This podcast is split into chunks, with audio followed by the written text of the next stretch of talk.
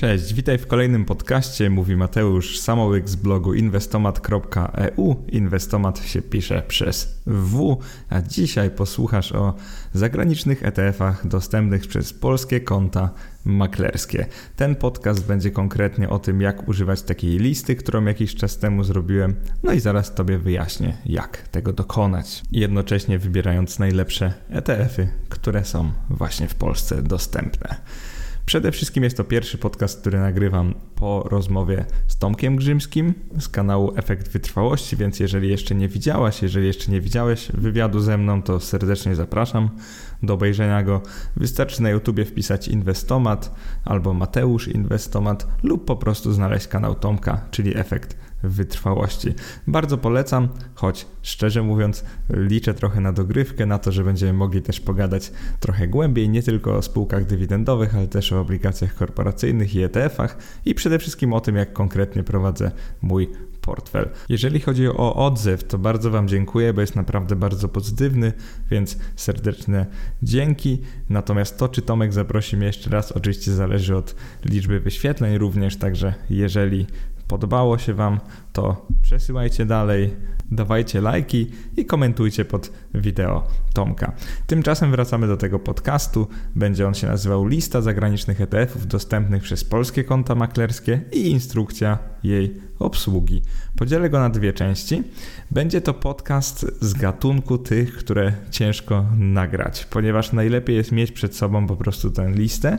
Niekoniecznie musicie czytać teraz mojego bloga, ale ważne, żebyście odpalili sobie właśnie tą listę ETF-ów.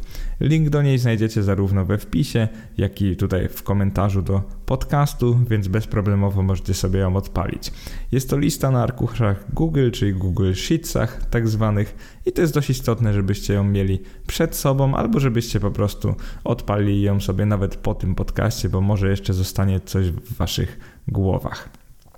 Ten podcast jest duchowym spadkobiercą serii o ETF-ach, którą zapewne pamiętacie. Sześć wpisów, sześć podcastów, bardzo konkretnych, bardzo długich i myślę, że prawie że wyczerpujących temat. To, czego w tamtej serii może nie zrobiłem, to jest właśnie opowiedzenie o tym, jak efektywnie używać listy ETF-ów, którą dla Was sporządziłem. E, dwie części tego podcastu.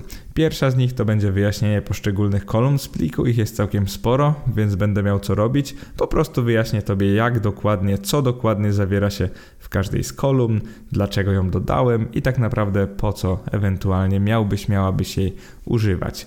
Druga część tego podcastu to będzie już konkretny, że tak powiem, use case, czyli jak używać listy funduszy ETF, w co patrzeć gdzie patrzeć po kolei, żeby na przykład znaleźć najlepszy ETF na indeks S&P 500, czyli S&P 500. Dru też kolejny case to będzie jak znaleźć ETF-a o najwyższej wypłacanej dywidendzie. I co jest bardzo istotne, nie chciałbym uczyć Ciebie tylko jak szukać najwyższych dywidend, ale przy okazji jak szukać bezpiecznych spółek, bezpiecznych ETF-ów, tak naprawdę inwestujących w bezpieczne spółki lub obligacje, które raczej nie bankrutują, których fluktuacje cen nie są jakieś ogromne i których stabilność dywidend jest spora. Więc poruszymy wszystkie te aspekty. Na końcu jeszcze będzie kilka ogłoszeń, więc ten podcast może się trochę przedłużyć. Zaczynamy. Przede wszystkim seria o ETF-ach, nie wiem czy pamiętacie, ona posiadała takie dwa wpisy bardzo konkretne. Wpis drugi y, polegał na tym, odpowiadał na pytanie jak wybrać ETF, narzędzia do znajdywania i oceny ETF-ów. I przy okazji tego wpisu stworzyłem w ogóle tę listę, o której dzisiaj będę mówił, natomiast ona była w zupełnie innej, zupełnie prostszej formie niż dziś, więc będzie dużo odwołań do tego wpisu. Jeżeli chodzi o trzecią część tego cyklu, czyli jak kupić ETF, porównanie ofert, kont i możliwości, to tam z kolei opisałem w jaki sposób możecie kupić, przez jakie konta. Więc od razu podkreślę, że jeżeli chodzi o część trzecią cyklu o ETF-ach, to dzisiaj będziemy rozmawiać tylko o tym, jeżeli inwestor inwestuje przez polskie konta maklerskie, czyli mówiąc w skrócie mBank, Bosse lub XTB. W tej kolejności, dlatego że przez mBank stale jest dostępna największa liczba tych cudownych i tanich funduszy. Więc dalej mBank zajmuje dominującą pozycję. Jeżeli chodzi o to, co jeszcze znajdziesz w tym podcaście, to opowiem właśnie, jak znaleźć fundusz inwestujący w konkretne instrumenty finansowe w konkretnym kraju lub krajach, albo na przykład na kontynencie oraz które fundusze ETF wypłacają dywidendę, a które je z czasem akumulują a także co znaczy rezydentura funduszu i jak na jej podstawie oszacować podatek od dywidendy. No i chyba najważniejsze, jak ocenić stabilność funduszu, stabilność zmian cen funduszu, koszty funduszu oraz prostotę jego zakupu, co za tym idzie. Zaczynamy od rzeczy podstawowej. W momencie jak włączysz sobie moją listę ETF-ów, to jest właśnie arkusz Google, to zauważ, że ciężko się cokolwiek zmienia, ponieważ to jest tak zwana moja lokalna kopia. Po prostu dałem Wam wszystkim do niej dostęp. Więc pierwsza sprawa, pierwsza rzecz, którą możecie sobie zrobić, to na przykład utworzyć kopię na waszym dysku Google. To się robi bardzo prosto. Plik, utwórz kopię i tam wasz już generator spyta, co zrobić. Na przykład możecie otworzyć sobie kopię na swoim dysku i to jest chyba najlepsze, co można zrobić. Tym samym ja przestanę widzieć, że używacie mojej, yy, mojej kopii, jakby nie mam z tym problemu, natomiast u siebie będziecie mogli dowolnie zmieniać wszystkie kolumny, komórki, filtrować i tak naprawdę naprawdę robić co chcecie. Zauważyłem, że bardzo dużo osób nie rozumie tej funkcjonalności i na przykład prosi mnie o udostępnienie pliku do edycji. No to to jest oczywiste chyba, że tej, że tak powiem, master listy nie udostępnię do edycji, natomiast bez problemu nie mam z tym żadnego problemu, żebyście tworzyli swoje kopie i robili co naprawdę wasze dusze zapragną z tą listą. Druga opcja, jeżeli wolicie Excela, to jest po prostu plik pobierz, no i tam jest jako Excel, więc bez problemu możecie pobrać sobie Excela i wtedy ta wasza lokalna kopia już jest plikiem edytowalnym, więc serdecznie polecam, żebyście to zrobili, jeżeli chcecie przetwarzać jakoś te dane. Natomiast jeżeli wam wystarczy samo szukanie, samo czytanie, to oczywiście możecie używać mojej kopii i nic nie edytować, bo nie jest to jakieś potrzebne, nie jest to jakieś nieodzowne. Zaczynamy od wyjaśnienia poszczególnych kolumn z pliku. Tutaj zapraszam do uzbrojenia się w cierpliwość, bo ich trochę będzie. Co to jest te pierwsze kolumny, czyli identyfikacja funduszu, giełda i ticker i one są według banku i według Google, tak się śmieje. Zauważcie, że one często się różnią i moim zdaniem o wiele ważniejsza jest ta pierwsza, czyli właśnie według banku, czyli giełda i, i ticker. I jeżeli chodzi o te, o, te, o te walory, o te parametry, to o co tu chodzi? Na przykład e, ta, ten pierwszy człon, na przykład LON, to znaczy London Stock Exchange. Fra to wbrew pozorom nie znaczy Francja, tylko to znaczy Deutsche Börse Frankfurt, czyli po prostu Xetra, giełda niemiecka. EPA na przykład znaczy Paris Stock Exchange, czyli Paris Stock Exchange, giełda francuska. AMS znaczy Amsterdam Stock Exchange i tak dalej, i tak dalej. I zwykle po takich trzech literkach macie dwukropek i tam jest ticker funduszu. Czym jest tak zwany ticker. To jest to samo, co wpisujecie na przykład w jakiś system notowań, żeby znaleźć notowania funduszu, na przykład na Bloombergu albo na stoku.pl. Przykładowo, Czasami też po tickerze możecie kupić jakiś fundusz, na przykład w interfejsie waszego banku. Zazwyczaj ISIN jest akurat, czyli ten, zaraz o tym powiem, ten taki dłuższy kod jest lepszym identyfikatorem, Natomiast ważne jest to, żebyście zrozumieli, że jeden kod ISIN może mieć wiele tickerów. Działa to w ten sposób, że kod ISIN jest unikalny co do funduszu, na przykład powiedzmy, że to jest fundusz Invesco S&P 500, konkretny fundusz, natomiast on może mieć wiele tak zwanych listingów, czyli on może być notowany na różnych giełdach. I wtedy na każdej z giełd on może mieć różny ticker. To trochę utrudnia życie, bo te fundusze mogą być notowane w różnych walutach, mogą mieć różną wartość, mogą wypłacać dywidendy o różnej wartości w tych różnych walutach, więc trochę się, się może Wam na początku pokręcić, więc pamiętajcie, że jeżeli będziecie kupować taki fundusz, to jednak lepiej jest wpisywać w, w wasz interfejs banku właśnie ticker. I tak jak wam powiedziałem, kombinacja tych trzech literek, na przykład LON, dwukropek i tam jest jakiś e, ticker, na przykład jakieś idwy i tak dalej, no to to jest po prostu unikalna kombinacja, która wam zawsze powie, jaki to jest fundusz. To jest na dobry początek. E, przechodzimy do kodu ISIN. To jest po prostu numer identyfikacyjny. E, ważnym jest zrozumienie, że właśnie to, co Wam powiedziałem przed chwilą, jeżeli e, jest identyczny ISIN, ale inne tickery, to właśnie nie znaczy nic innego jak to, że najprawdopodobniej to są różne wersje funduszu notowane na różnych giełdach. Czasami można się naprawdę pokręcić, bo tickery mogą być identyczne na, róż, na na przykład dwóch różnych giełdach, więc nie jest to jakieś proste. Trochę ułatwia sprawę to, że nasze polskie banki zwykle nie oferują tego samego funduszu notowanego na dwóch albo trzech giełdach, więc po prostu jak wpiszecie nawet ISIN, no to od razu znajdziecie to, czego szukacie. Jeżeli chodzi o sam numer ISIN, jakby co jest ciekawe, co się w nim znajduje, jego dwie pierwsze literki to jest to, gdzie rezyduje fundusz, czyli na przykład jak macie literki IE to jest Irlandia, LN to będzie Luksemburg i tak dalej. Więc jeżeli chcecie sami analizować fundusz, nie macie czasu, no to możecie zwrócić uwagę na te dwie pierwsze literki. Co prawda takie informacje są na mojej liście, ale to myślę, że lepiej wiedzieć niż nie wiedzieć. Kolejne bardzo ważne kolumny to gdzie i w co inwestuje fundusz. Zaczniemy od kraju inwestycji. Teraz kraju inwestycji lepiej nie mylić z, rezydenturą funduszu, ponieważ kraj inwestycji opowiada o tym, w jakie aktywa, gdzie inwestuje fundusz. I to jest tak naprawdę jedna z najważniejszych kolumn, czyli to jest tak zwana geografia funduszu, czyli to jest to, gdzie on będzie, że tak powiem, pakował kolokwialnie wasze pieniądze. Więc kolumna kraj może być o tyle niefortunna, że czasami tam jest napisane globalny, czasami tam jest globalny w nawiasie EM, czyli Emerging Markets, rynki wschodzące. Więc żebyście rozumieli mnie dobrze, napisałem kraj, bo może spodziewałem się, że tam będą kraje, ale w tej chwili to mogłoby się nazywać geografia tak naprawdę. I teraz o co tu chodzi? Jest sporo możliwości. Na przykład, jeżeli w, te, w, tej kolumnie kraj inwestycji znajdziecie globalny, oznacza to, że fundusz inwestuje albo globalnie, czyli na przykład w indeks MSCI World, albo po prostu nie jest zdefiniowany kraj inwestycji, czyli przykładowo te surowcowe, kruszcowe, one najczęściej właśnie inwestują globalnie, czyli to nie jest powiedziane, że one kupują złoto, nie wiem, z RPA, one po prostu kupują złoto.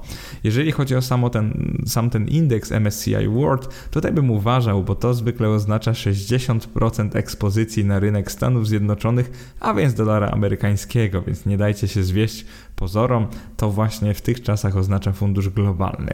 Lepiej trochę jest, jeżeli chodzi o dystrybucję, czyli to rozbicie środków, jeżeli chodzi o globalny w nawiasie EM. To są rynki wschodzące, tak jak Wam mówiłem, emerging markets i to są najczęściej fundusze oparte o MSCI EM, czyli przeciwwagę dla MSCI World, to jest inny indeks, właśnie ten wschodzący, taki bardziej perspektywiczny. On się skupia na Chinach, Rosji, Indiach, Brazylii oraz innych rynkach wschodzących.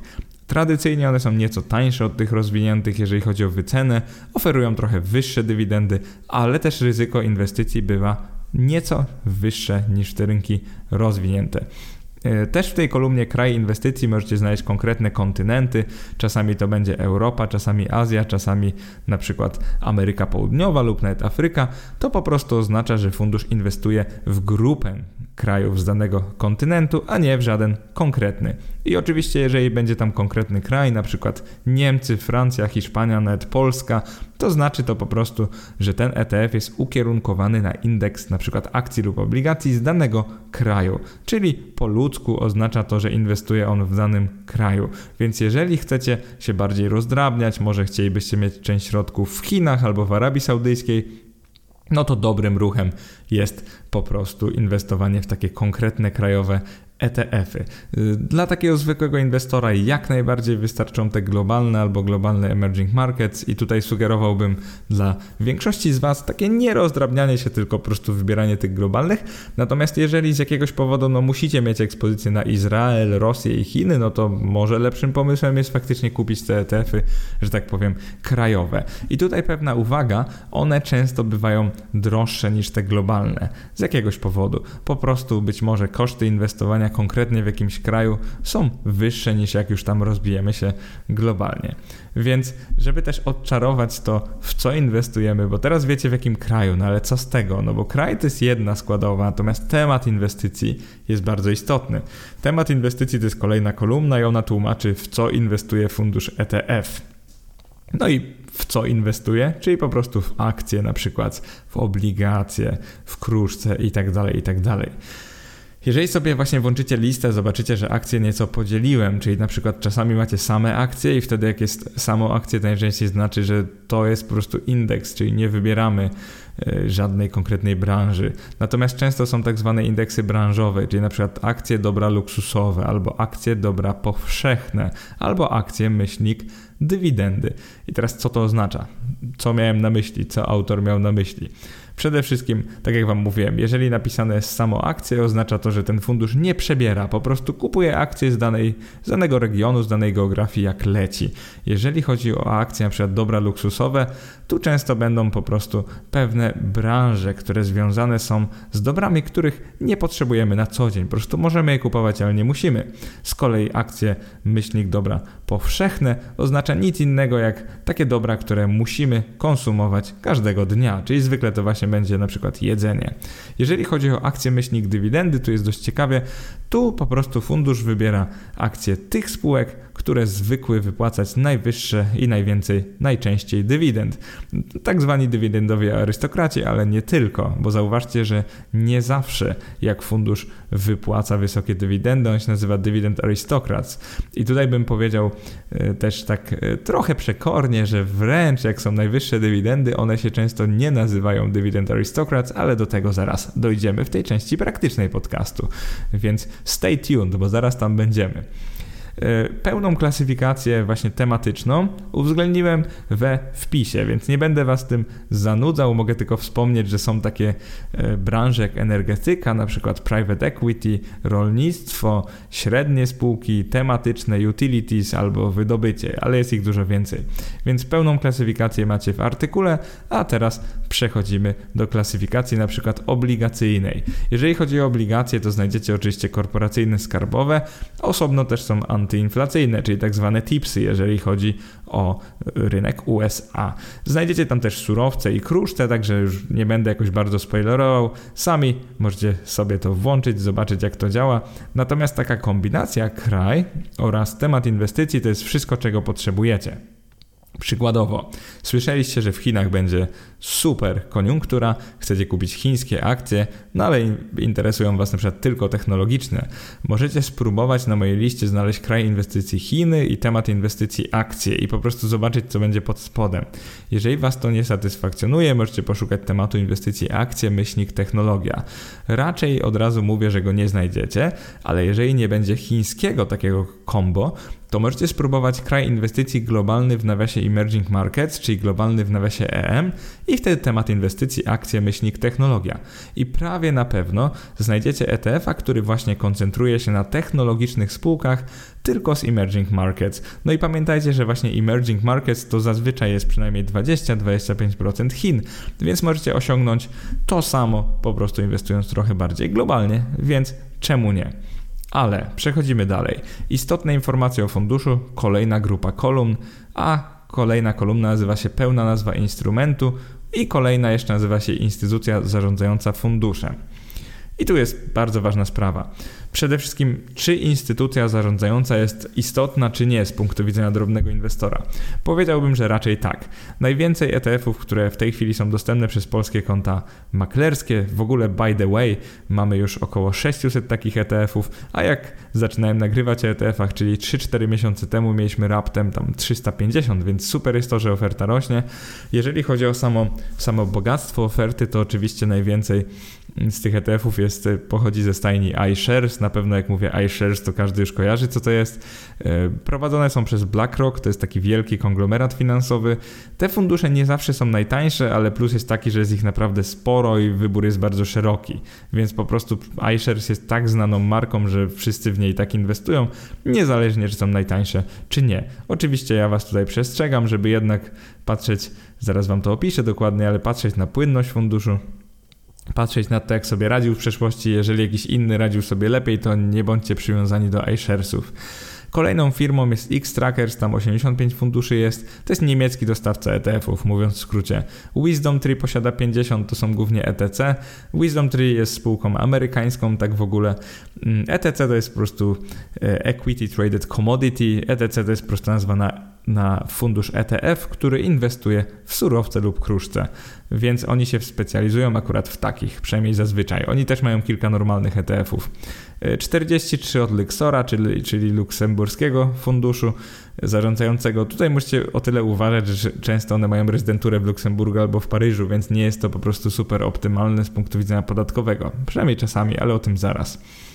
E, Spider, czyli SPDR, to są fundusze firmy State Street. Możecie ją kojarzyć, bo ona dość mocno działa w Polsce. Z tego co kojarzę, biura ma w Krakowie i w Trójmieście, może jeszcze gdzieś indziej. W każdym razie możecie tą firmę kojarzyć, także oni też są dużym zarządzającym funduszami. 25 funduszy ma amerykański Vanguard i właśnie Vanguard między nami jest moim ulubionym dostawcą, bo zazwyczaj ma najtańsze fundusze i są bardzo proste, transparentne, dobrze opisane. Nie zawsze radzą sobie najlepiej z czasem, ale podoba mi się ta ich, że tak powiem, taniość i transparentność, bo naprawdę niesamowicie dobre mają sprawozdania funduszy i za to czapki z głów tym prowadzącym takie fundusze.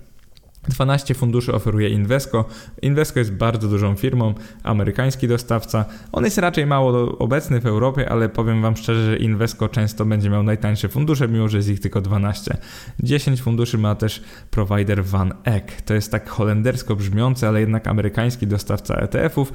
No i on słynie głównie z takich funduszy inwestujących w złoto. Jest też kilka mniejszych zarządzających funduszami, na przykład Han ETF. Ostatnio jest dość głośno o tej firmie. Są to małe i dość drogie fundusze, w ogóle pochodzą tutaj z Europy, z tego co pamiętam centralnej i one właśnie często są bardzo egzotyczne, czyli inwestują na przykład w technologiczne spółki tylko z emerging markets. To jest o tyle fajne, że nikt inny nie oferował wcześniej czegoś takiego, więc jeżeli chcecie się skoncentrować na takich spółkach, to myślę, że to jest najlepsze, co możecie zrobić. Pełna nazwa instrumentu bardzo często zawiera informacje o tym, w jaki indeks na przykład inwestuje e, taki fundusz, albo o tym, czy ma tak zwany GLADE UCITS, UCITS po polsku. Więc jeżeli jest UCITS, to znaczy, że ma pewną akredytację europejską, że jest prowadzony według pewnych standardów i tak naprawdę UCITS, jeżeli takie coś widzicie, to, to jest taki w pewnym sensie znak jakości. Przechodzimy do kolejnej kolumny, nazywa się typ dywidendowy funduszu. Ona się nazywa typ funduszu, mam na myśli typ dywidendowy. No i tutaj wracamy do podstaw ETF-ów, podstaw inwestowania w ETF-y. Typ accumulating nie wypłaca dywidend, po prostu je reinwestuje, więc w praktyce oznacza to, że typ accumulating zwiększa wartość jednostki szybciej niż typ distributing. Jeżeli chodzi właśnie o ten drugi typ, czyli distributing, to są te dzielące się zyskiem, one wypłacają dywidendy. Najczęściej one wypłacają dywidendy w jakichś tam okresach, co pół roku albo co kwartał, bardzo często niektóre co roku. I tutaj lekko problematyczne jest to, że one, pamiętajcie, otrzymują te dywidendy ze spółek, one są już otrzymywane wcześniej trochę, czyli one w pewnym sensie akumulują do momentu i w pewnym momencie wypłacają dywidendę żebyście rozumieli, jak to działa. Najczęściej jest to przewidywalne i w polityce funduszu jest opisane. To, jak często wypłacają dywidendy, już później Wam opiszę, jak konkretnie, szybko, za pomocą jakiego narzędzia możecie sprawdzić tą częstotliwość, także nie przejmujcie się, to jest bardzo proste. I teraz kilka słów ode mnie. E, często mnie pytacie o to, fundusze accumulating są faktycznie lepsze dla kogoś, kto chce kupić i zapomnieć i na przykład dywidendy, czyli te 3 do 6% brutto rocznie, to byłoby za mało, żeby tylko za to kupić inny ETF bez przejmowania się prowizjami. Więc ja to zupełnie rozumiem. Więc dla takich osób fundusze typu accumulating są faktycznie lepsze. Bo to jest kupi, zapomnij, kupujesz, trzymasz 15 lat, nie przejmujesz się. ETF pewnie przestaje istnieć, nawet jeśli, jeśli przestaje, to jest likwidowany właśnie no, likwidacyjnie, czyli sprzedawany, spieniężany, więc nie macie czym, czym przejmować. Natomiast jeżeli chodzi o fundusze typu distributing, no to ogromną ich wadą jest to, że no, przychodzą te dywidendy i coś z nimi musicie robić, prawda? Drugą ich wadą jest to, że musicie rozliczać podatkowo te zagraniczne dywidendy. O tym już napisałem bardzo długi wpis. To jest część piąta na 6 tego cyklu ETF-ach. Zapewne znacie. Niektórzy naprawdę nie mogli przemóc tego wpisu, niektórzy nie mogli wytrzymać y, słuchania i czytania właśnie tego artykułu i podcastu. I powiem wam szczerze, że to jest wpis, pod którym jest bardzo dużo komentarzy i bardzo często są komentarze, na które odpowiedź jest we wpisie, no ale po prostu jest tak długi, no napisałem mini książkę, więc żartobliwie się czasami śmieję, że no łatwiej jest spytać pod niż po prostu przeczytać, bo jest, bo jest taki długi, więc żeby nie było, nie mam wam za złe, rozumiem dlaczego macie z tym problem. I teraz jeżeli chodzi o takie ETF-y distributing, to jeszcze jedno, jedno słowo. Ja bardzo lubię łączyć je z kontami IKE i IKZE, czyli IGZE, ponieważ inwestowanie przez nie zwalnia posiadacza z konieczności rozliczania się z urzędem skarbowym. Więc jeżeli za zamierzacie wpłacać co roku, trzymać do emerytury środki, tak jak ja, to bardzo wygodne jest trzymanie tam zagranicznych ETF-ów typu distributing. One wam fajnie wypłacają pieniążki, wy je reinwestujecie. Te pieniążki to są te kwoty brutto, nie przejmujecie się tym poziomem trzecim już e, podatku. Jeżeli oczywiście poziom drugi nastąpił, to trochę gorzej, dlatego warto inwestować w te irlandzkie fundusze, zwłaszcza ewentualnie luksemburskie, rezydujące tam, ale o tym zaraz. Więc jeżeli chodzi o mnie, to polecam kombinację IKE, IGZE i Distributing, natomiast zwykłe konto maklerskie zdecydowanie wybierajcie Accumulating. Także nie przejmujcie się dywidendami, akumulujcie, będzie dobrze. Kolejna kolumna bardzo istotna to jest rezydentura, domical. I właśnie rezydentura jest często mylona z tym na przykład na jakiej giełdzie jest ETF e, notowany, albo to jest często mylone z tym w jakie aktywa on inwestuje i to jest bardzo istotne. Rezydentura nie ma nic z aktywami funduszu, po prostu nic. Wyobraźcie sobie rezydenturę, że to jest taki domek, gdzie po prostu siedzą ludzie i też podatkowo siedzą ci ludzie, którzy zarządzają funduszem. Oznacza to przede wszystkim to, że skoro fundusz ma na przykład rezydenturę w Irlandii, no to podatkowo on będzie jak spółka, która znajduje się w Irlandii. Więc dlaczego tak dużo funduszy ma tam rezydenturę? To jest bardzo proste, ponieważ Irlandia ma bardzo korzystne prawo podatkowe i najczęściej nie ściąga tak zwanego withholding tax, czyli właśnie Irlandia często, a właściwie nigdy nie ściąga na drugim poziomie tego podatku. No i co to znaczy dla polskiego inwestora? No przede wszystkim to, że dywidenda z takiego funduszu, który rezyduje w Irlandii, będzie raczej no, zatrzymana do momentu, aż on będzie musiał zapłacić ją na trzecim poziomie, więc po prostu mówiąc w skrócie, jest on bardziej korzystny podatkowo. I teraz, żeby Wam trochę to udowodnić na przykładzie, wiecie, że na mojej liście ETF-ów aż 361 właśnie rezyduje w Irlandii, tylko 96 w Luksemburgu, 39 w Niemczech, 25 we Francji, 52 w Jersey, to są te wyspy bodajże owcze, żeby nie było. To, to są te wyspy niedaleko Anglii i Francji, żebyście rozumieli, co to jest. Także to jest w Europie, to nie jest New Jersey, to jest po prostu Jersey. Możecie sobie wygooglować albo sprawdzić na Wikipedii. I po jednym funduszu rezyduje w Holandii i w Bułgarii. Także rezydentury podatkowo Irlandia jest po prostu zdecydowanie najlepsza, później jest Luksemburg. Tutaj słowo w Luksemburgu. Uważajcie tylko w te fundusze, które inwestują w Stanach Zjednoczonych, czyli jeżeli kraj inwestycji to są Stany, a rezydentura to jest Luksemburg, to uważajcie, bo oni mogą pobrać na pierwszym poziomie 30% z dywidendy a na przykład irlandzkie pobierają 15, więc uważajcie na te umowy między tymi dwoma krajami. Jeżeli chodzi o rezydenturę w Niemczech i Francji, to tutaj z kolei musicie uważać, bo Niemcy mają na poziomie drugim wysoki podatek od dywidendy, to jest bodajże 26, E, nie pamiętam dokładnie, ale tam było 3,25 bodajże, czy tam 3,75%. I teraz z czym to się wiąże? No plusem jest to, że na poziomie trzecim musicie tylko zadeklarować, że zapłaciliście taką dywidendę i naszemu fiskosowi już nie musicie płacić żadnego podatku od dywidend. Natomiast minusem jest to, że łącznie zapłacicie wtedy 26% od tej dywidendy z ETF-a, a nie 19%, tak jakbyście zapłacili w każdym innym przypadku prawie. Jeżeli chodzi o Irlandię, Luksemburg, na poziomie drugim nie pobierają one w ogóle e, podatku od dywidend, więc po prostu na poziomie trzecim sami deklarujecie i płacicie 19% podatku. Jeżeli chodzi o Francję, to jest trochę skomplikowane, bo Francja, Francja zatrzymuje, czyli ETF francuski re, rezydujący we Francji zatrzymuje 15% e, dywidendy na drugim poziomie, czyli to oznacza, że oryginalnej kwoty dodatkowe 4% musicie zapłacić w Polsce. Czyli to jest trochę skomplikowane, bo musicie wiedzieć, że on zatrzymuje 15%, deklarujecie, że już tyle zapłaciliście i pozostałe 4% płacicie w Polsce, więc co bym polecał? Przede wszystkim irlandzkie ETF-y, one no nie bez powodu jest ich najwięcej, po prostu zwykle podatkowo są najbardziej korzystne. Jeżeli macie taką możliwość, nie wybierajcie też niemieckich, tak jak wam mówiłem. I oczywiście pamiętajcie, mogą być notowane na giełdzie niemieckiej, czyli Ksedrze, mogą mieć to FRA właśnie e, w, w, tym, w tym polu giełda, ticker, mogą mieć FRA, nie przejmujcie się tym. Ważne jest to, żeby rezydentura nie była w Niemczech, bo one faktycznie są to, trochę kłopotliwe i drogie podatkowo.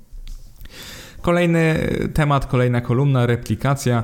O replikacji już pisałem w poprzednich wpisach o ETF-ach, więc nie będę może jakoś powielał informacji, natomiast jeżeli tam jest napisane fizyczna, to oznacza, że ETF fizycznie posiada aktywa albo przynajmniej blisko je odzorowuje. Jeżeli jest syntetyczna, czyli bodajże synt, to po prostu oznacza, że ten ETF na przykład posiada tak zwane swapy, czyli on nie posiada tych aktywów, tylko ktoś inny je posiada, albo nawet jakieś derywaty, czyli po prostu kontrakty na wybrane aktywa lub indeksy. Więc jeżeli chcecie mieć maksymalnie naturalny ETF, który faktycznie trzyma w portfelu dane te, to wybierajcie fizyczną. Jeżeli Wam nie przeszkadza to, że tam będą jakieś trochę dziwaczne, czasami nie do końca te aktywa, które fundusz deklaruje, że ma, no to nie bójcie się w ogóle kupować syntetycznych. Jakby zazwyczaj empirycznie no nie ma dowodów, że syntetyczne jakoś sobie gorzej radzą na dłuższą metę, więc uczciwie Wam powiem, że ta kolumna tak naprawdę dodałem, żeby była, ale ona nie ma aż takiego wielkiego znaczenia. E, kolejne kolumny, czyli gdzie kupisz fundusz? No bardzo istotne, chyba nie ma co tłumaczyć.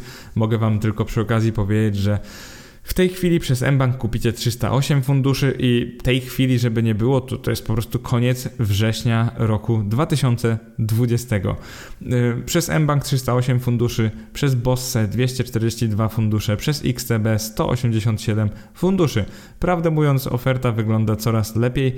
Y, przez Bosse muszę uzupełnić, tam chyba doszło ostatnio kilka, czy tam kilkanaście funduszy, więc kto wie, może Bossa niedługo prześcignie mBank. Akurat mi się bardzo podoba, że robić taka konkurencja między domami maklerskimi, bo to oznacza coraz więcej, coraz lepszą ofertę, coraz szerszą ofertę dla polskiego inwestora, więc nawet nie wiecie, jak się cieszę, jak takie moje propagowanie ETF-ów też, a wasze kupowanie sprawia, że te domy maklerskie, biura maklerskie rozszerzają oferty. To jest naprawdę no, miód na moje uszy, miód na moje serce. E, dane finansowe dotyczące funduszu to jest następna grupa kolumn, bardzo ważna opłaty w nawiasie TER, Total Expense Ratio, to już też tłumaczyłem, no w skrócie im niższe TER, tym lepiej. Po prostu w praktyce im niższe jest TER, tym tańszy jest fundusz. No i zwyczajowo takie proste fundusze y, będą miały TER nawet y, niższe niż 1,1%. Takie trudniejsze będą miały nawet około procenta, 1% i to jest oczywiście rocznie w skali roku. Tego pobierania TER nie zauważycie, ponieważ ono jest pobierane w każdej chwili notowań, czyli każdego dnia leciutko proporcjonalnie jest obniżana cena ETF, a właśnie oto TER. No tylko pamiętajcie, że tutaj warto jest być oszczędnym, jeżeli o to chodzi. Czyli jeżeli będziecie szukać najlepszego ETF-a, co zaraz omówimy, konkrety, no to bez problemu ja Wam sugeruję, żebyście wybierali te, które mają niższe TER, bo zwykle się po prostu opłaca. Następna kolumna to jest Divi 2019 i co to znaczy właściwie? Dywidenda z roku 2019 w tym przypadku czyli poprzedniego. Będę to aktualizował, więc za rok będzie 2020 na pewno. I teraz, co to jest? To jest po prostu informacja, jeżeli sobie sumujecie wartość dywidendy, podzielicie na średnią cenę jednostki funduszu z zeszłego roku, to otrzymacie tak zwany taki dywidend yield, czyli tyle procent dywidendy brutto wypłaci wam, wypłaciłby wam ETF, gdybyście go kupili w zeszłym roku, tak mówiąc po ludzku. Zwykle te wartości są pomiędzy 0,5% a 7%, więc to jest to, czego możecie się spodziewać po ETF-ach. Od razu mówię, że w tym roku raczej żaden nie wypłaci 7% i możecie ewentualnie polować na taką 4-5%. To oczywiście są względy covidowe czysto. Oczywiście co innego bym powiedział, gdybyście kupili na tym covidowym dołku, no ale nikt nie wiedział, że to jest dołek i nikt nie wie, czy nie będzie kolejnego. Także nie udawajmy, że jesteśmy mądrzejsi niż jesteśmy, bo nikt nie wie to, co przyniesie, nikt nie wie tego, co przyniesie przyszłość. Kolejne kolumny. Wolumen i obrót. Wolumen sam w sobie nic nie mówi, bo to jest po prostu liczba papierów, które zmieniły właściciela podczas jednej sesji lub podczas jakichś średnich sesji ostatnio, tylko bez uwzględnienia ceny tego instrumentu tak naprawdę nic nie wiemy, bo na przykład wolumen milion przy cenie funduszu 1 dolar to jest zupełnie coś innego niż wolumen milion przy cenie funduszu 100 dolarów. No i to jest dość proste i wtedy zmieniać tak zwany obrót, czyli to, co jest istotne. Obrót to jest po prostu papiery za ile pieniędzy zmieniły właściciela podczas jednej sesji. Dlaczego obrót jest taki istotny? Obrót po prostu mówi Wam, jak łatwo będzie kupić takiego ETF-a, jednostki takiego ETF-a. Im wyższy obrót, tym oczywiście lepiej. Od razu Was przepraszam, bo na liście bardzo często Google po prostu nie udostępnia informacji o obrocie. Mógłbym ją jakoś zahardkodować, tylko wtedy zmieniałby się czas, zmieniałyby się obroty, więc moglibyście mieć mi trochę za złe. Więc dalej staram się wykorzystywać te dane właśnie z, z Google'a, czyli te od, z komendy Google Finance. Niestety czasami nie da się ich znaleźć lub są, lub są nieaktualne, więc wielkie sorry za to. Kolejna kolumna, albo właściwie dwie kolumny, kurs i waluta. Kurs to jest po prostu wartość, cena jednostki ETF-a danego dnia. Zwykle one są odświeżane co tam, co, co minutę i mają dokładność chyba 15 minut temu jeżeli dobrze pamiętam.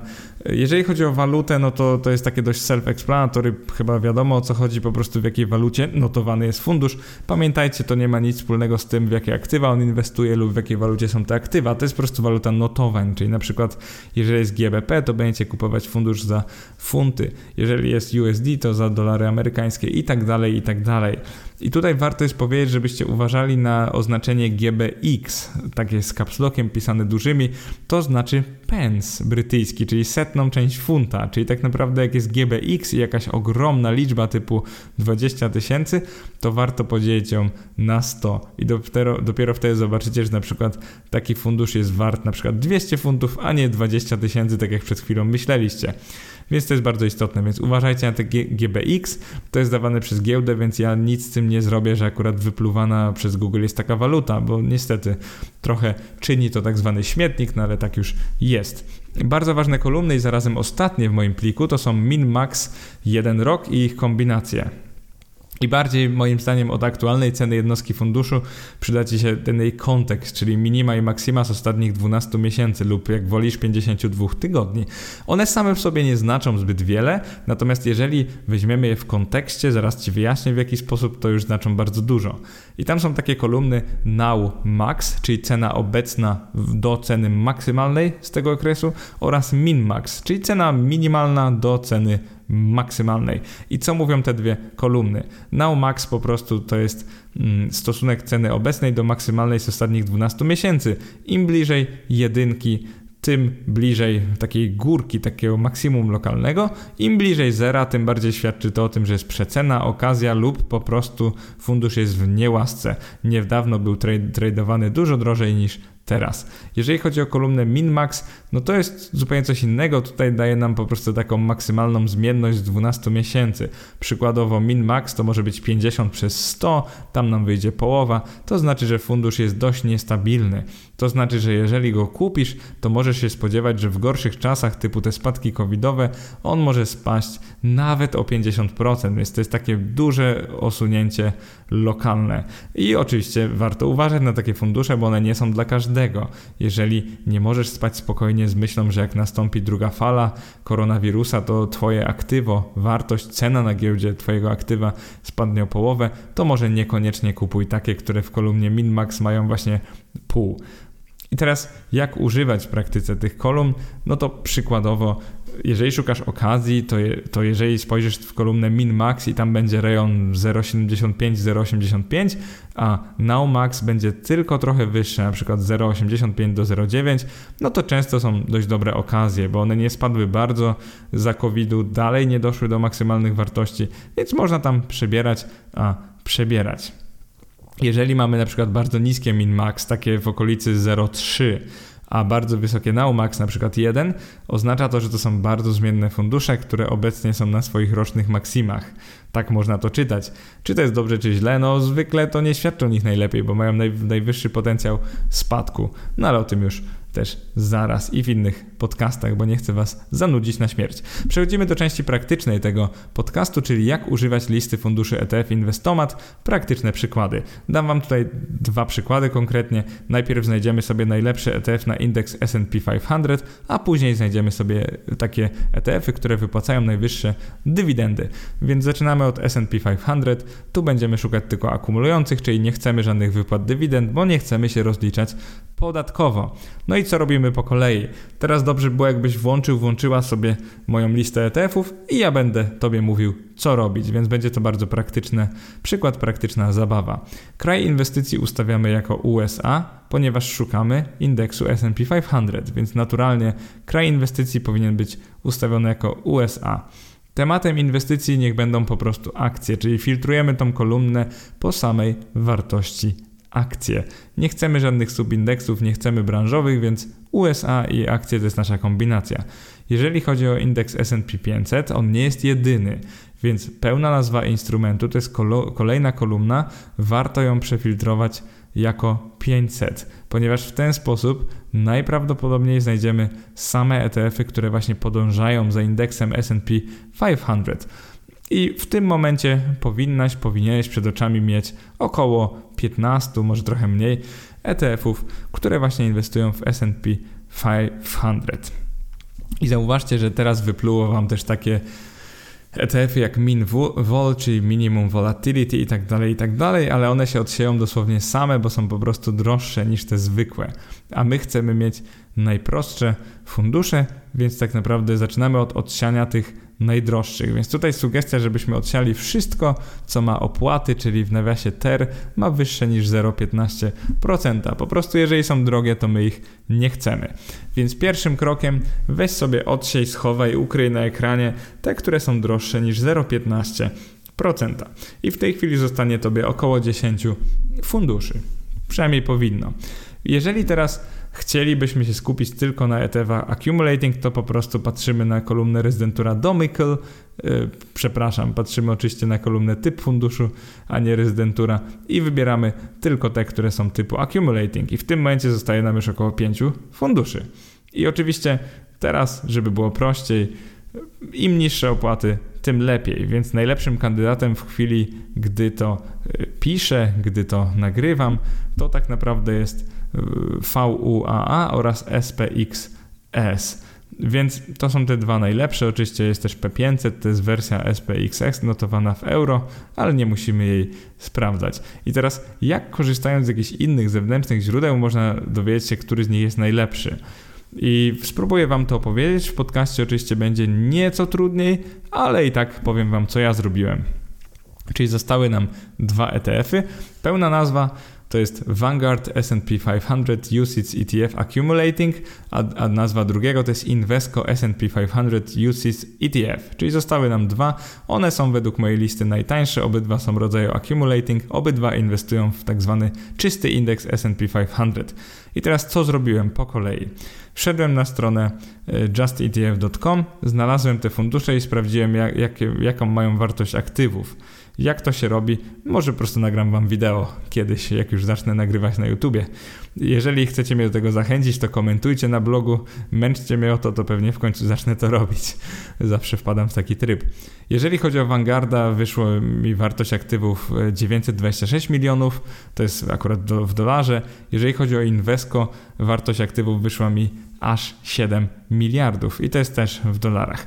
Więc Fundusz Invesco widać na pierwszy rzut oka jest o wiele, wiele większy niż fundusz Vanguarda. Ciekawe dlaczego. No ale można by sprawdzić teraz obroty sesyjne, czyli no co z tego, że jest prawie dziesięciokrotnie większy, jak może mieć niskie obroty. Zwykle oczywiście wielkość obrotów idzie w parze z tym, jak duży on jest i w tym przypadku nie jest inaczej. Więc na stronie bloomberg.com po prostu wpisałem sobie ten ticker VUAA, no i wyszło mi, że ten obrót sesyjny jest około 26 tysięcy. No to nie jest tak źle, ale to też nie jest jakoś bardzo dużo. To jest wystarczająco, żeby go kupić, sprzedać, jak się jest drobnym inwestorem, natomiast chcielibyśmy trochę wyższe obroty. Więc również według Bloomberga wpisujemy sobie ten Invesco S&P 500. No i co widzimy? Widzimy, że obroty sesyjne to jest na przykład 75 tysięcy, jak w tym przypadku. Więc y, to jest naprawdę wiele wyższy obrót, więc no co można powiedzieć o tym? To, co powiedziałem, to jest wolumen 75 tysięcy, mnożymy razy cena 47 milionów, no i nagle mamy obroty tak y, wysokie, właśnie tak jak wam powiedziałem, w, milionach, 30-krotnie więcej niż ten ze stajni Vanguarda, więc nie dość, że mamy większy fundusz, to mamy bardziej płynny fundusz i tutaj punkty dla Invesco idą. Zwykle wolę Vanguardę, ale akurat w tym przypadku Invesco, czyli ten SPXS wygląda po prostu lepiej. E, ostatnią rzecz, którą polecam zrobić, zwłaszcza, że obydwa są accumulating, zobaczmy jak dobrze sobie radzą, czyli na stoku.pl zróbmy sobie taki filtr, znajdźmy po prostu ten ETF VUAA, znajdźmy ETF SPXS i użyjmy tej opcji porównaj wyniki, porównaj fundusze.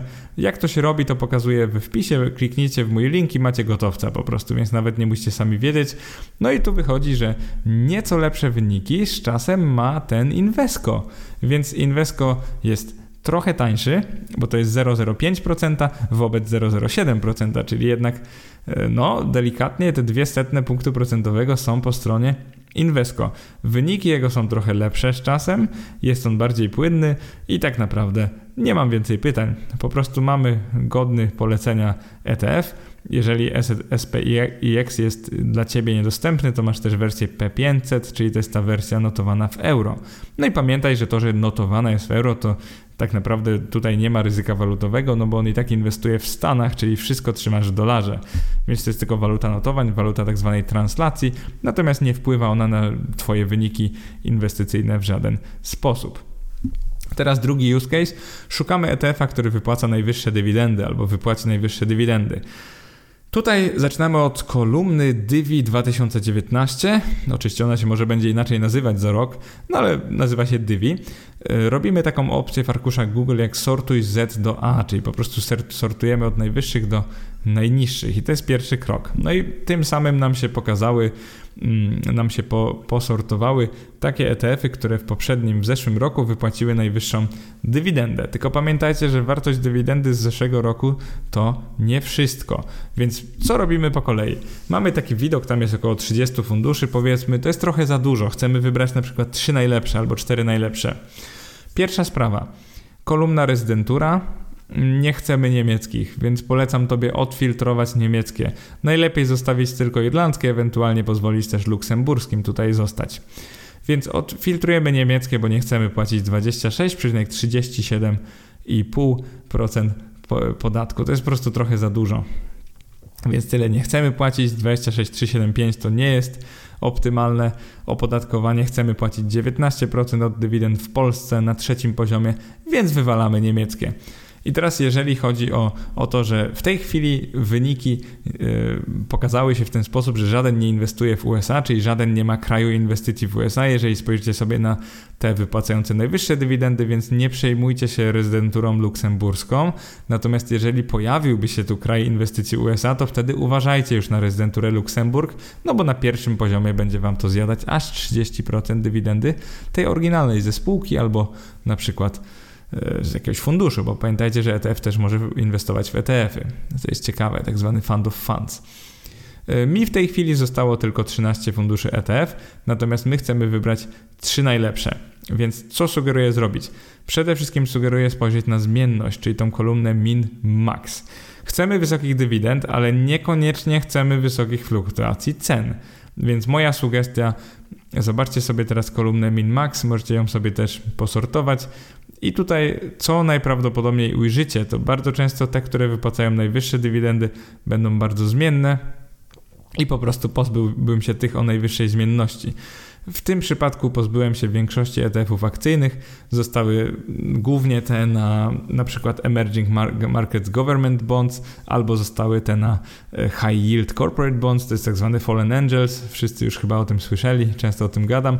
No i zostały też te oczywiście na emerging markets, po prostu dywidendówki, czyli IEDy oraz VUK, VUKE. To są te dwa, które akurat IEDy to są dywidendówki emerging, VUKE to jest po prostu UK, wysokie dywidendy, FTSE 100. Więc w obydwu przypadkach wysokie dywidendy, jeden emerging, drugi developed market. One po prostu spadły relatywnie mniej do innych funduszy, więc właśnie na nich bym się skupił. A jak już o skupieniu mowa, to w tej chwili zostały mi następujące ETF-y. IEM Leon inwestuje w, inwesty- w obligacje skarbowe rządów państw wschodzących, czyli emerging markets. IS3K oraz IHU, Y po prostu, inwestują one w ryzykowne obligacje korporacyjne firm ze Stanów Zjednoczonych. VUKE, czyli VUKI, inwestujący w akcje z FTSE 100, czyli brytyjski indeks słynący ze swoich wysokich dywidend. To jest dość istotne. E, no i oczywiście dostał IEDY. IEDY to jest ten sam IEDY, o którym wspominałem w wywiadzie z Tomkiem Grzymskim. Bardzo popularny wśród moich czytelników fundusz ETF inwestujący w spółki dywidendowe z rynków wschodzących.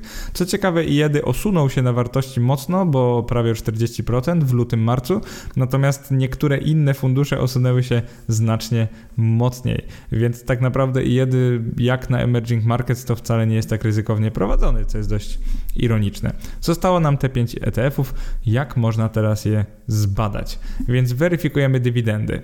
Zaczynamy od Just ETF. Udało mi się po prostu ściągnąć stamtąd dywidendy. Tutaj polecam odpalić sobie mój artykuł czy wpis, jak wolicie, ponieważ warto zobaczyć tą tabelę przed oczami. Wypisałem w niej rozpiętość cen w każdym z ostatnich 4 lat oraz wartość dywidend albo prognozowaną wartość dywidend w tym roku, czyli w 2020. Co jest istotne, sprawdźcie sobie jak spadła dywidenda między właśnie bieżącym rokiem a poprzednim. Najgorzej wygląda VUK i, czyli po prostu WUKE, po polsku VUK. On wygląda najgorzej, bo widać już, że ta dywidenda spadnie o jakieś 26, może nawet 40%. Tutaj zastrzeżenie, pamiętajcie, że te fundusze często wypłaciły dopiero połowę dywidend, czyli jeszcze rok trwa, one jeszcze będą wypłacać lub nie do końca roku. Z, tej, z tego grona zacnego, z tych pięciu ETF-ów tylko IEML już wypłacił wszystkie dywidendy w tym roku, no i wygląda na to, że one są niższe o 11%. Żebyście rozumieli, że no ten rok jest po prostu gorszy dywidendowo, więc nie bez powodu ceny tych ETF-ów na giełdzie spadały.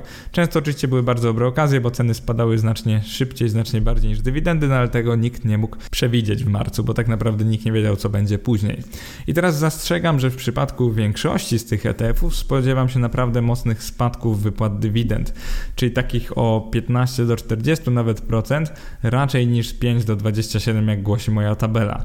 Jeżeli chodzi o ten dywidend yield, czyli współczynnik wypłaty dywidendy funduszu, funduszy, to gdzieś tam na przestrzeni lat wszystkie pięć funduszy, o których Wam mówię, jeżeli byście je kupowali względnie tanio, byście mogli liczyć na 5, nawet 6, a czasami nawet 7 lub 8% dywidendy brutto. Jeżeli byście je kupowali dość drogo, to i tak moglibyście liczyć na jakieś 4,5, 5, no czasami oczywiście w zależności od ETF-a 3,5 procent dywidendy brutto. Więc tutaj sugestia jest taka, żeby po prostu przeczekać, kupić tanio jednostki jednego z nich, nie przejmować się fluktuacjami cen.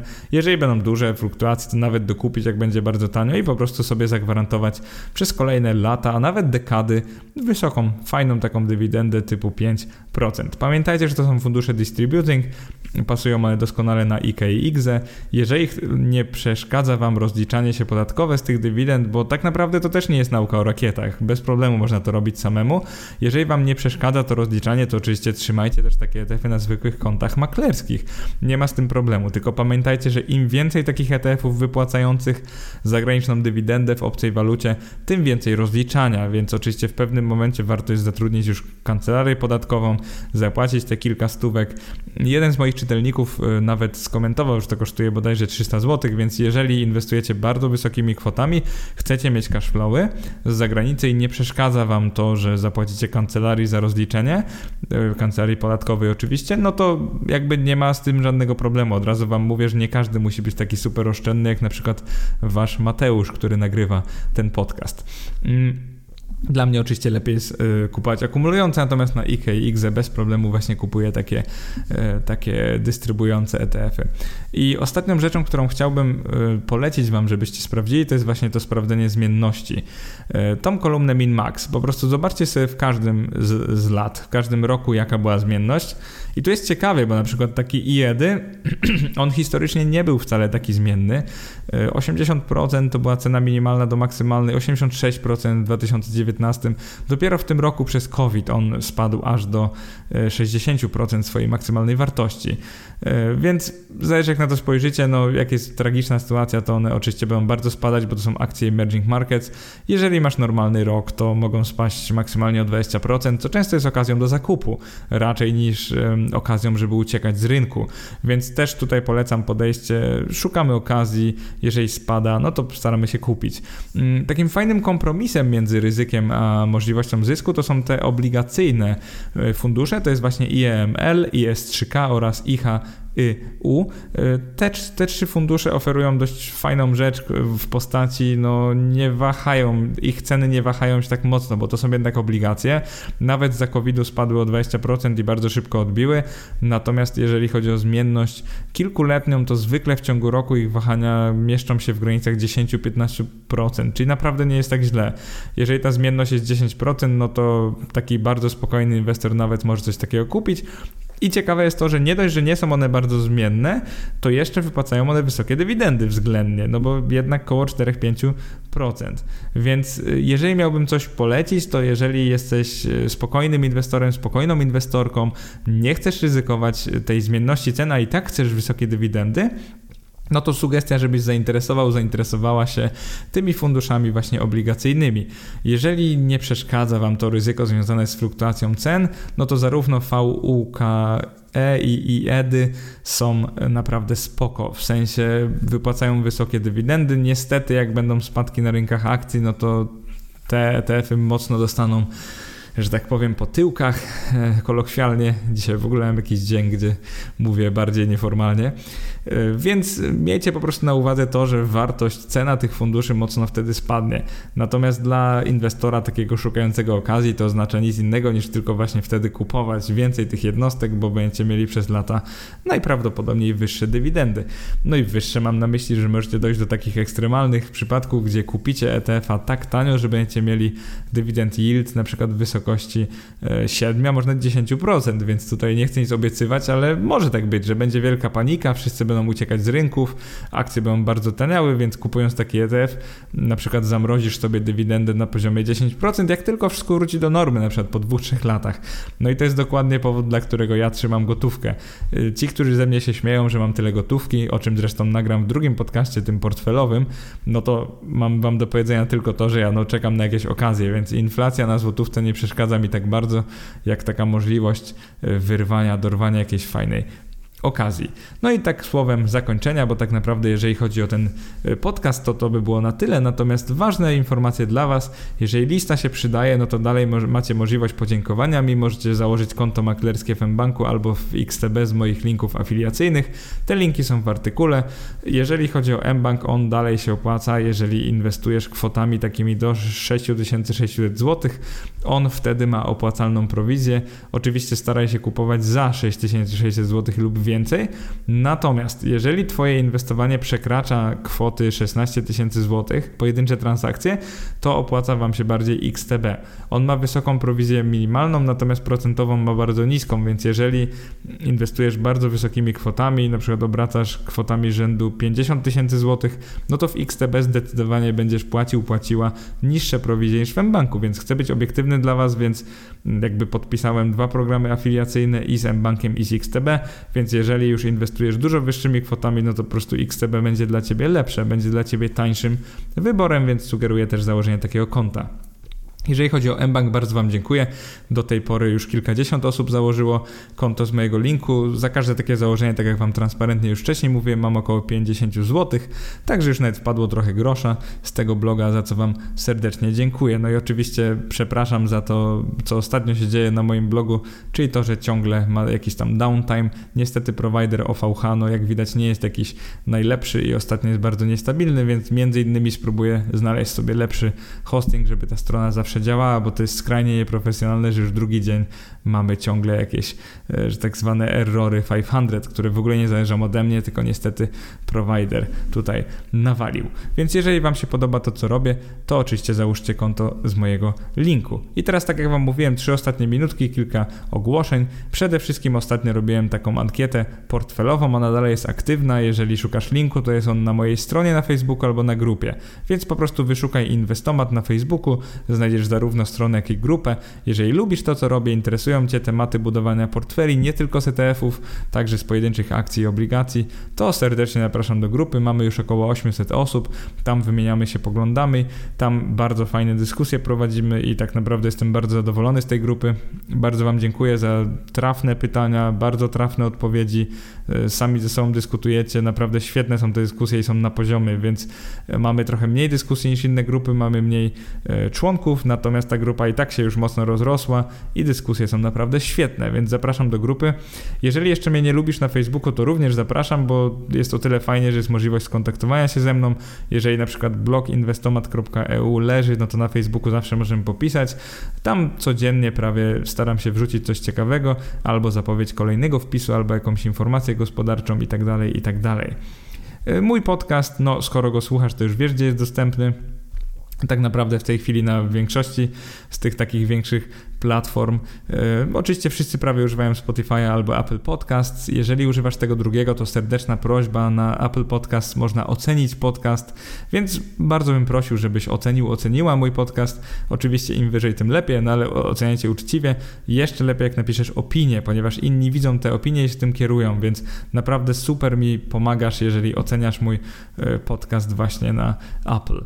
I teraz na koniec chyba najważniejsze ogłoszenie jest takie, że właśnie otwieram e, firmę, działalność gospodarczą, to jest związane z moją pracą w IT, po prostu chciałem podatkowo trochę to zoptymalizować, no i przy okazji jednoosobowej działalności będę mógł prowadzić też różne może kursy, szkolenia, webinary, a sprzedawać y, produkty również, więc powoli będę się przestawiał w tryb, że umożliwię już czytelnikom rozmowę ze mną, taką, nawet nie nazwałbym tego konsultacją, bo będzie taka konsultacja edukacyjna, y, ja bym to sugerował tak, żeby ktoś już przygotował swój portfel, ewentualnie możemy omówić silne, mocne strony, nie jestem maklerem, więc jakby nie mogę, to jest nielegalne nielegalne, żebym wam prowadził portfele, natomiast jak najbardziej mogę z wami o nich rozmawiać.